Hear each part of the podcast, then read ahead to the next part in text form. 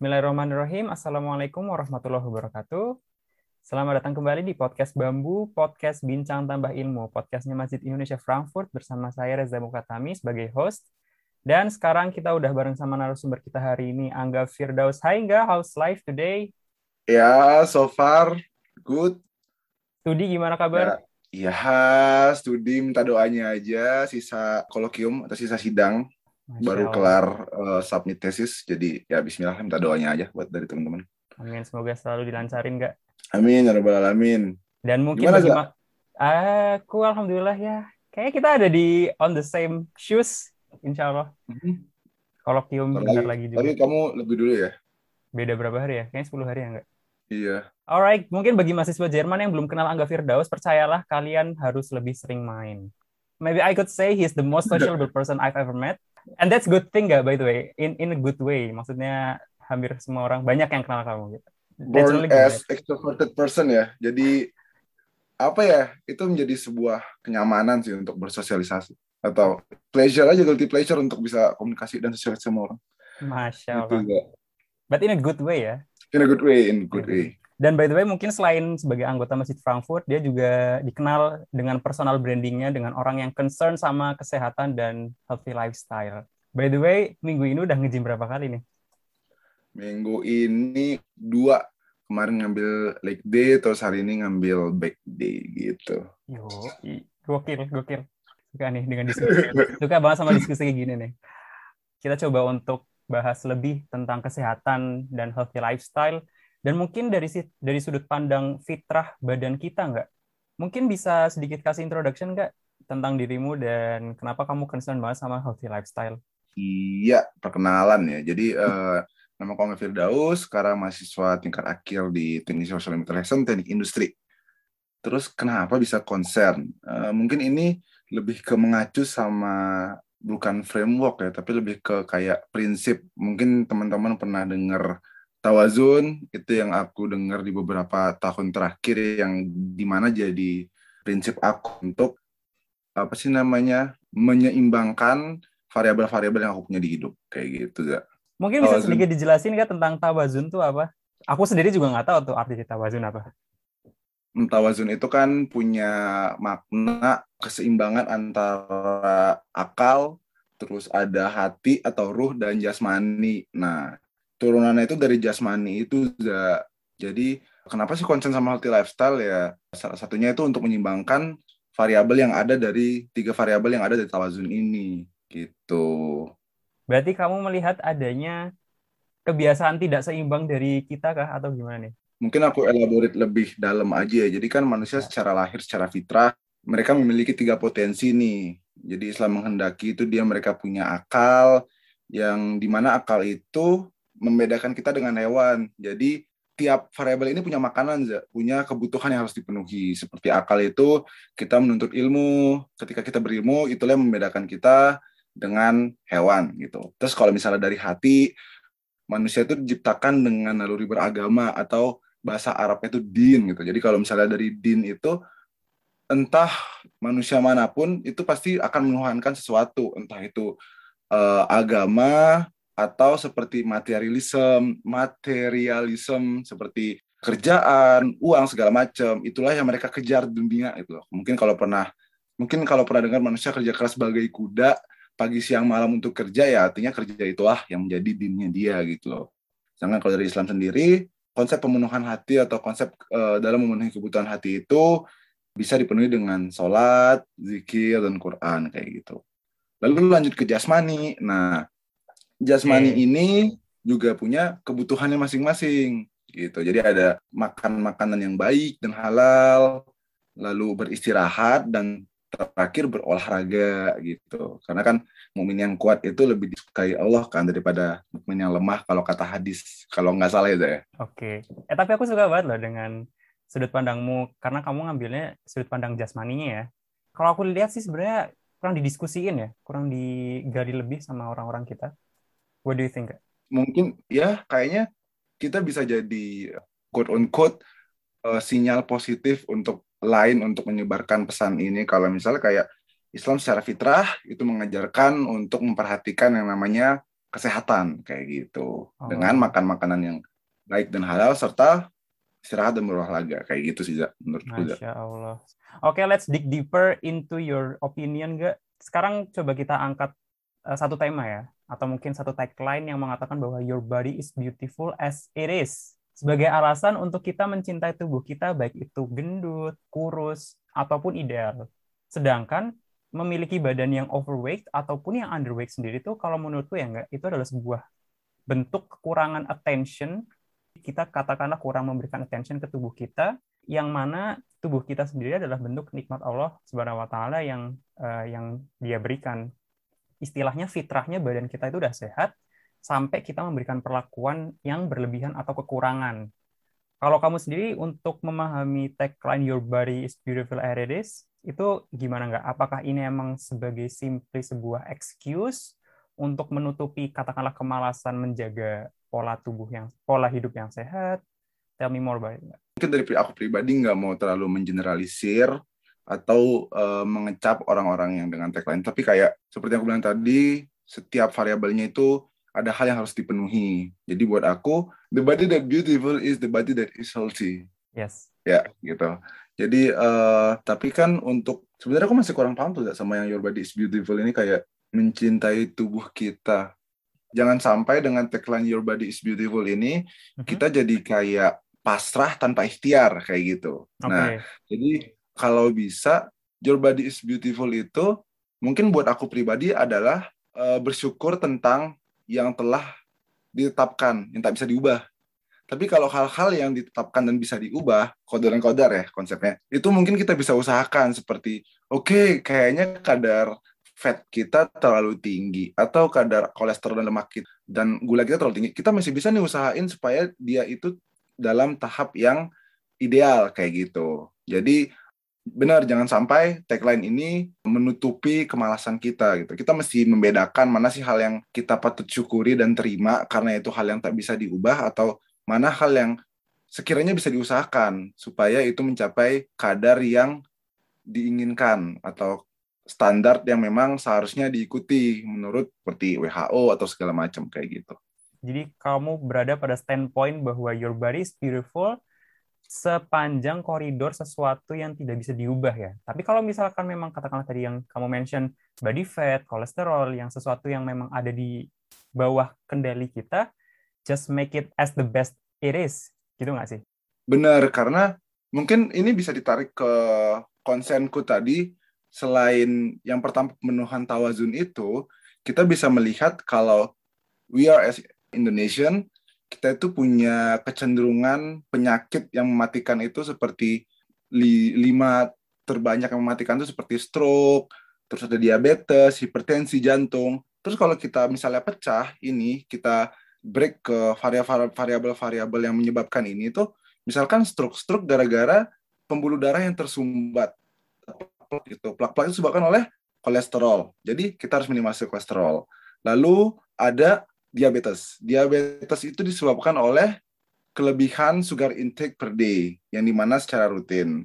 Lalu hipertensi, kelebihan sodium intake per day. Mungkin itu sebatas yang aku tahu lah. Jadi kayak dengan kita memperhatikan olahraga dan pola makan kita serta apa yang kita makan, itu bisa mengurangi probability kita untuk kena si penyakit-penyakit mematikan untuk orang Indonesia ini gitu. Mungkin kita di awal kasih istilahnya disclaimer dulu ya that we are not actually an expert tapi kita coba untuk mention beberapa urgency untuk kita bisa lebih aware terhadap healthy lifestyle itu sendiri. Jadi no judgment here guys. We just want to take you in in our kampanye kita untuk bisa lebih hidup lebih sehat nggak sih nggak? Iya, jadi kayak uh, disclaimer tuh that share ini based on my basic knowledge yang aku pelajarin ketika aku mulai untuk bangun habit healthy lifestyle ini gitu ya.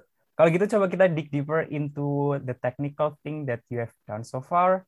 Mungkin first question nggak, what's body weightmu berapa saat podcast body ini dibuat? Weightku saat ini ya, tadi aku pas nge-gym, jadi aku setiap nge-gym tuh aku selalu pantau berat badanku berapa. Terakhir aku pantau itu 76 gitu. Jadi kalau misalnya hitung-hitungan ideal dengan tinggiku 178 itu biasanya normally itu dikurangi 110 dari tinggi. Jadi itu adalah berat badan ideal. Jadi ketika aku 178, jadi berat idealku 78. Ya, aku masih kurang 2 kilo lah untuk mencapai berat ideal kayak gitu. Ya. Tapi, Tapi masih dalam koridor ideal. Iya. Gitu. Oke, okay, ya. Jadi si 78 sendiri sebenarnya itu juga apa ya? Plus minus lah ya. Maksudnya nggak harus exactly nggak, nggak harus. Hmm. Karena kan uh, badan kita itu sifatnya dinamis ya, Zaya. Mungkin secara simpelnya kita makan, kita mengeluarkan, kita makan itu kayak itu bukan hal yang statis gitu loh. Yang perlu dipantau adalah bagaimana lifestyle ini tetap bisa di-maintain, bukan kayak keadaan titik tertentu yang harus kita perhatikan kayak gitu sih. Mungkin aku sedikit highlight tadi statementmu nggak. Jadi kita lebih coba untuk maintain lifestyle-nya ya, bukan angkanya. Benar. Jadi mungkin aku kasih analogi kayak gini saya. Ketika kita melakukan sesuatu karena kita memiliki target, oke, okay, aku olahraga karena aku pingin berat badanku turun 5 kilo dalam sebulan. Kita terlihat termotivasi sangat termotivasi untuk mencapai segala macam sampai di titik tertentu. Due date target itu tak tercapai. Apa yang terjadi? Demotivate kita berhenti. Gitu. beda sama kalau kita melakukan itu karena kita menikmati prosesnya. Entah itu mau gimana pun hasilnya karena kita percaya kalau itu adalah sebuah kebutuhan yang harus dilakukan maka habit tadi yang ingin kita maintain itu dari pengalamanku itu akan termaintain dengan baik jadi cobalah fokus ke proses daripada hasil. Karena dengan proses yang baik, hasil yang baik pun akan ngikutin ya. Benar. Oh, Jadi sama proses aku pribadi. Masya Allah, Masya Allah. Oke, kalau gitu kita bahas prosesnya enggak? Kamu nge-gym per minggu berapa kali enggak? Waduh, ini sangat-sangat teknikal ya. Jadi mungkin ketika ini bervariasi ya tergantung kesibukan, tapi aku usahain sekitar 4 sampai 5 kali seminggu. Yang di mana uh, sekitar dua kali latihan sehari istirahat atau tiga kali latihan sehari istirahat gitu selama seminggu. Oke. Gitu. Apakah empat sampai lima kali seminggu tuh kebanyakan nggak sih? Maksudnya adalah kan kamu langganan, kamu langganan apa ya? Kamu langganan gym. Apakah mm -hmm. itu empat sampai lima kali seminggu bisa dilakukan katakanlah di luar di luar gym untuk bisa maintain healthy lifestyle sendiri? What do you think? Oh itu itu bisa banget. Kayak misalnya kamu juga kita juga di rumah sebenarnya bisa untuk maintain lifestyle itu. Jadi kayak aku ke gym tuh nggak pernah lama-lama nggak pernah lebih dari sejam. Kayak cuma 45 menit sampai sejam tapi fokusnya lebih ke kayak kontinuitas atau being persistent uh, sama apa yang kita lakuin gitu loh. Gitu. Jadi bukan masalah di mananya tapi masalah kontinuitasnya kalau dari aku jadi mau per hari 30 menit atau 45 menit, tapi just make it consistent. Iya. Alright. Rutin, rutin apa dibikin rutin aja gitu. Terus mungkin kalau aku tanya pertanyaan selanjutnya nggak, how do you maintain your healthy lifestyle itself? Apakah kamu punya katakanlah teman atau lingkungan yang bisa motivate kamu in case kamu lagi demotivated untuk pergi ke gym kah? Atau uh, how do you maintain this lifestyle? Kalau dibilang demotivated mungkin jarang ya karena kan baik lagi yang eh, aku mention sebelumnya kalau aku merasa ini adalah sebuah kebutuhan yang harus aku penuhin sama kayak aku lapor aku harus makan kayak gitu intinya. Nah, cuma kalau untuk role model dan apa pun itu yang menolong untuk membangun habit ini adalah environment yang mendukung itu sangat diperlukan kayak dari teman-teman jurusan aku yang geng laki-lakinya emang mostly emang mereka pergi ke gym, mereka memperhatikan apa yang mereka makan dan it influence me uh, untuk memperhatikan apa sih yang aku makan, apa yang perlu dihindari, apa yang perlu dimakan lebih banyak kayak gitu. Sangat berpengaruh sih, yaitu uh, lingkungan pertemananku sendiri gitu dan ada beberapa mungkin kayak public figure lah bisa dibilang yang aku jadikan kayak oke okay, ini cukup masuk akal nih buat aku jadiin apa namanya role model. Jadi kalau aku lihat dari jawaban dari pertanyaan sebelumnya ini enggak, kamu sempat mention tentang makanan. Kalau bisa aku tanya, kira-kira apa sih yang paling kamu perhatiin kalau kamu membeli produk makanan? Jadi ketika uh, belanja makanan ya, mungkin kalau misalnya lagi belanja mingguan gitu, untuk kayak buah-buahan, sayur-sayuran, aku nggak pernah ngeliat di mana, jadi aku langsung masukin aja ke belanjaan aku. Cuma aku lebih ke perhatiannya ke makanan-makanan yang dalam bentuk box atau dalam bentuk pack gitu. Jadi ketika aku beli sesuatu, aku selalu melihat komposisinya karena di setiap makanan itu kan uh, di balik boxnya itu ada tulisan pas 100 gramnya ada komposisi apa aja ya. Pertama yang aku paling perhatiin, yang yang paling aku perhatiin adalah gula gitu. Aku sangat mencoba untuk meminimalisir gula, bahkan aku nggak pernah minum teh dan kopi sekarang pakai gula. Jadi mungkin kalau emang pingin manis, aku ganti sama madu gitu. Jadi untuk gula sendiri, menurut standar internasional yang pernah aku baca, untuk laki-laki itu 36 gram, untuk perempuan itu 30 gram, dan untuk anak-anak itu 24 gram sugar intake per day. Jadi okay. kalau bisa kita jangan melebihi uh, angka itulah. Jadi untuk kita laki-laki kayak jangan sampai melebihi 36 gram kayak gitu. Oke. Okay. Tadi kamu sempat mention tentang kamu menghindari gula dan udah ganti ke madu ya buat katakanlah yeah. Mungkin yang kamu hindarin lebih ke proses sugar ya? Benar. Oke. Okay. Sebenarnya tuh uh, fokus juga sama kayak semakin panjang sebuah makanan itu diproses, maka semakin kurang baik kalau dari perspektifku. Jadi kayak instead of buying cereal like uh, Lion, Coco Crunch, uh, I prefer to buy uh, Haferflocken atau oatmeal gitu loh. Oatmeal yang benar-benar kayak mentah yang nggak ada rasanya. Aku aku suka yang itu gitu loh. Karena menurut aku kayak aku sayang sama badanku gitu. Okay. Jadi yang kalau uh, kalau yang kedua yang aku perhatiin adalah ya karena aku apa sih namanya fokus untuk karena fokusku itu pingin looking up, getting in shape, membesarkan badan. Yang aku perhatiin adalah eye-wise atau protein. Kalau hitung-hitungannya, yang jadi uh, temen aku itu seorang PT dia sempat ngabarin lo kalau untuk sekilo berat badan kita itu kita butuh 2 gram protein. Jadi ketika berat badan kita itu 75 kilo, jadi kita butuh 150 gram protein per day.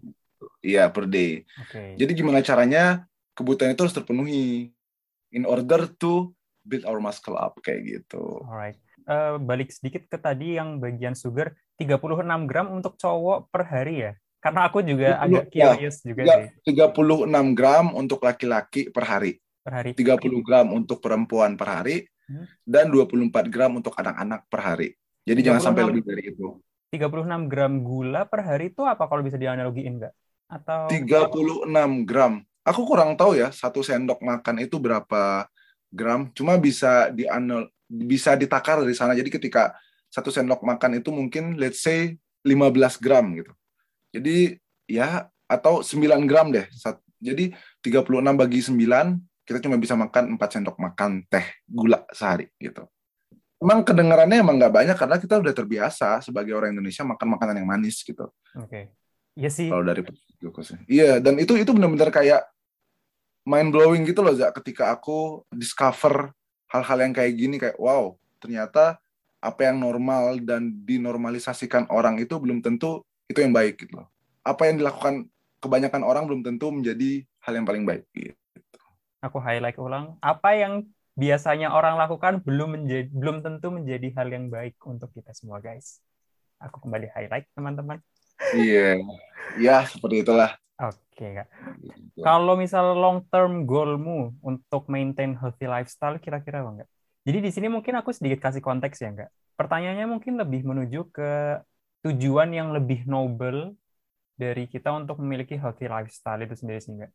Karena beberapa orang kan katakanlah kita berharap adanya hasil yang secara fungsional. Jadi mungkin semacam alasan dengan kita memiliki badan sehat kita lebih bisa untuk berdakwah atau mungkin bisa jalan lebih lama, lebih kuat untuk secara physical endurance-nya gitu atau is it enough untuk kita memiliki alasan maintain healthy lifestyle untuk sebatas memiliki tubuh yang bagus, atletis, ideal, get in shape? What do you think? Wow, ini sangat-sangat fundamental pertanyaannya. Jadi kalau dari aku pribadi sih uh, mungkin mengutip dari Simon Sinek. Jadi Simon Sinek itu adalah uh, ya salah seorang pembicara jadi dia selalu bilang kayak know your why. Kamu kamu mesti tahu kenapa kamu ngelakuin itu gitu loh. Jadi ketika kamu tahu kenapa, kamu bisa menentukan apa yang kamu ingin capai, bagaimana mencapainya kayak gitu.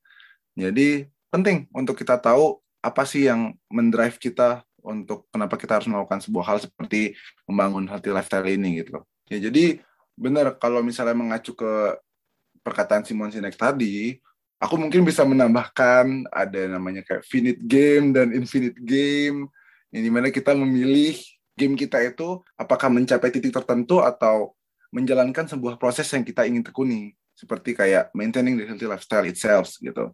Kalau buat aku pribadi kayak untuk bisa berkontribusi terhadap lingkungan di mana kita berada, terhadap punya, terhadap keluarga yang kita miliki, terhadap lingkungan sosial yang kita di mana berada, dibutuhkan uh, fisik yang sehat gitu. Jadi untuk mensupport fisik yang sehat itu, maka perlulah memaintain yang namanya healthy lifestyle. Itu memperhatikan makanan, memperhatikan pola istirahat kita, serta berolahraga secara rutin. Sebenarnya kayak the motivation itself itu nggak harus yang kayak Nobel banget. Yang penting itu udah cukup menjelaskan dan udah cukup apa ya mendasar gitu loh. Mungkin aku sedikit highlight tadi jawabanmu nggak. Jadi untuk nyari why-nya sendiri sebenarnya kita nggak perlu terlalu belibet cari noble why yang katakanlah dengan ini saya bisa merubah dunia gitu. Kayaknya nggak perlu sampai enggak, segitu nggak sih? Nggak perlu, nggak perlu.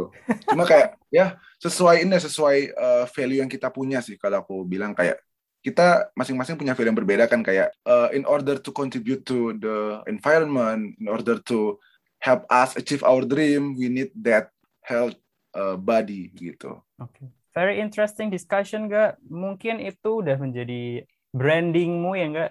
And I think you really hmm. enjoy with your branding. Mungkin ya, mungkin itu yang dilihat dilihat teman-teman ya, dilihat di lingkunganku. Cuma kayak aku melakukan ini karena sebatas aku suka.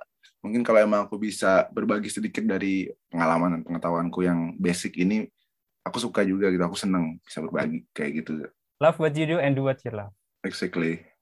Any closing statement for our listeners nggak? Uh, aku mau sampaikan aja ke teman-teman yang lagi struggling untuk bangun habit ini, habit uh, healthy lifestyle, yang lagi struggling untuk membangun hal-hal yang baik yang sudah direncanakan, trust in process. Karena Roma tadi bangun dalam sehari. Begitupun fisik yang sehat, serta uh, this healthy lifestyle itu benar-benar butuh effort untuk membangunnya dari apa yang mau dilakuin, apa yang harus dimakan, jam berapa tidur, itu kan kayak sebuah, bukan sebuah, bahkan beberapa hal yang memang harus dijuggling di waktu yang bersamaan. Kayak gitu. Jadi kayak trust in process. Uh, believe me, you are progressing uh, in the process.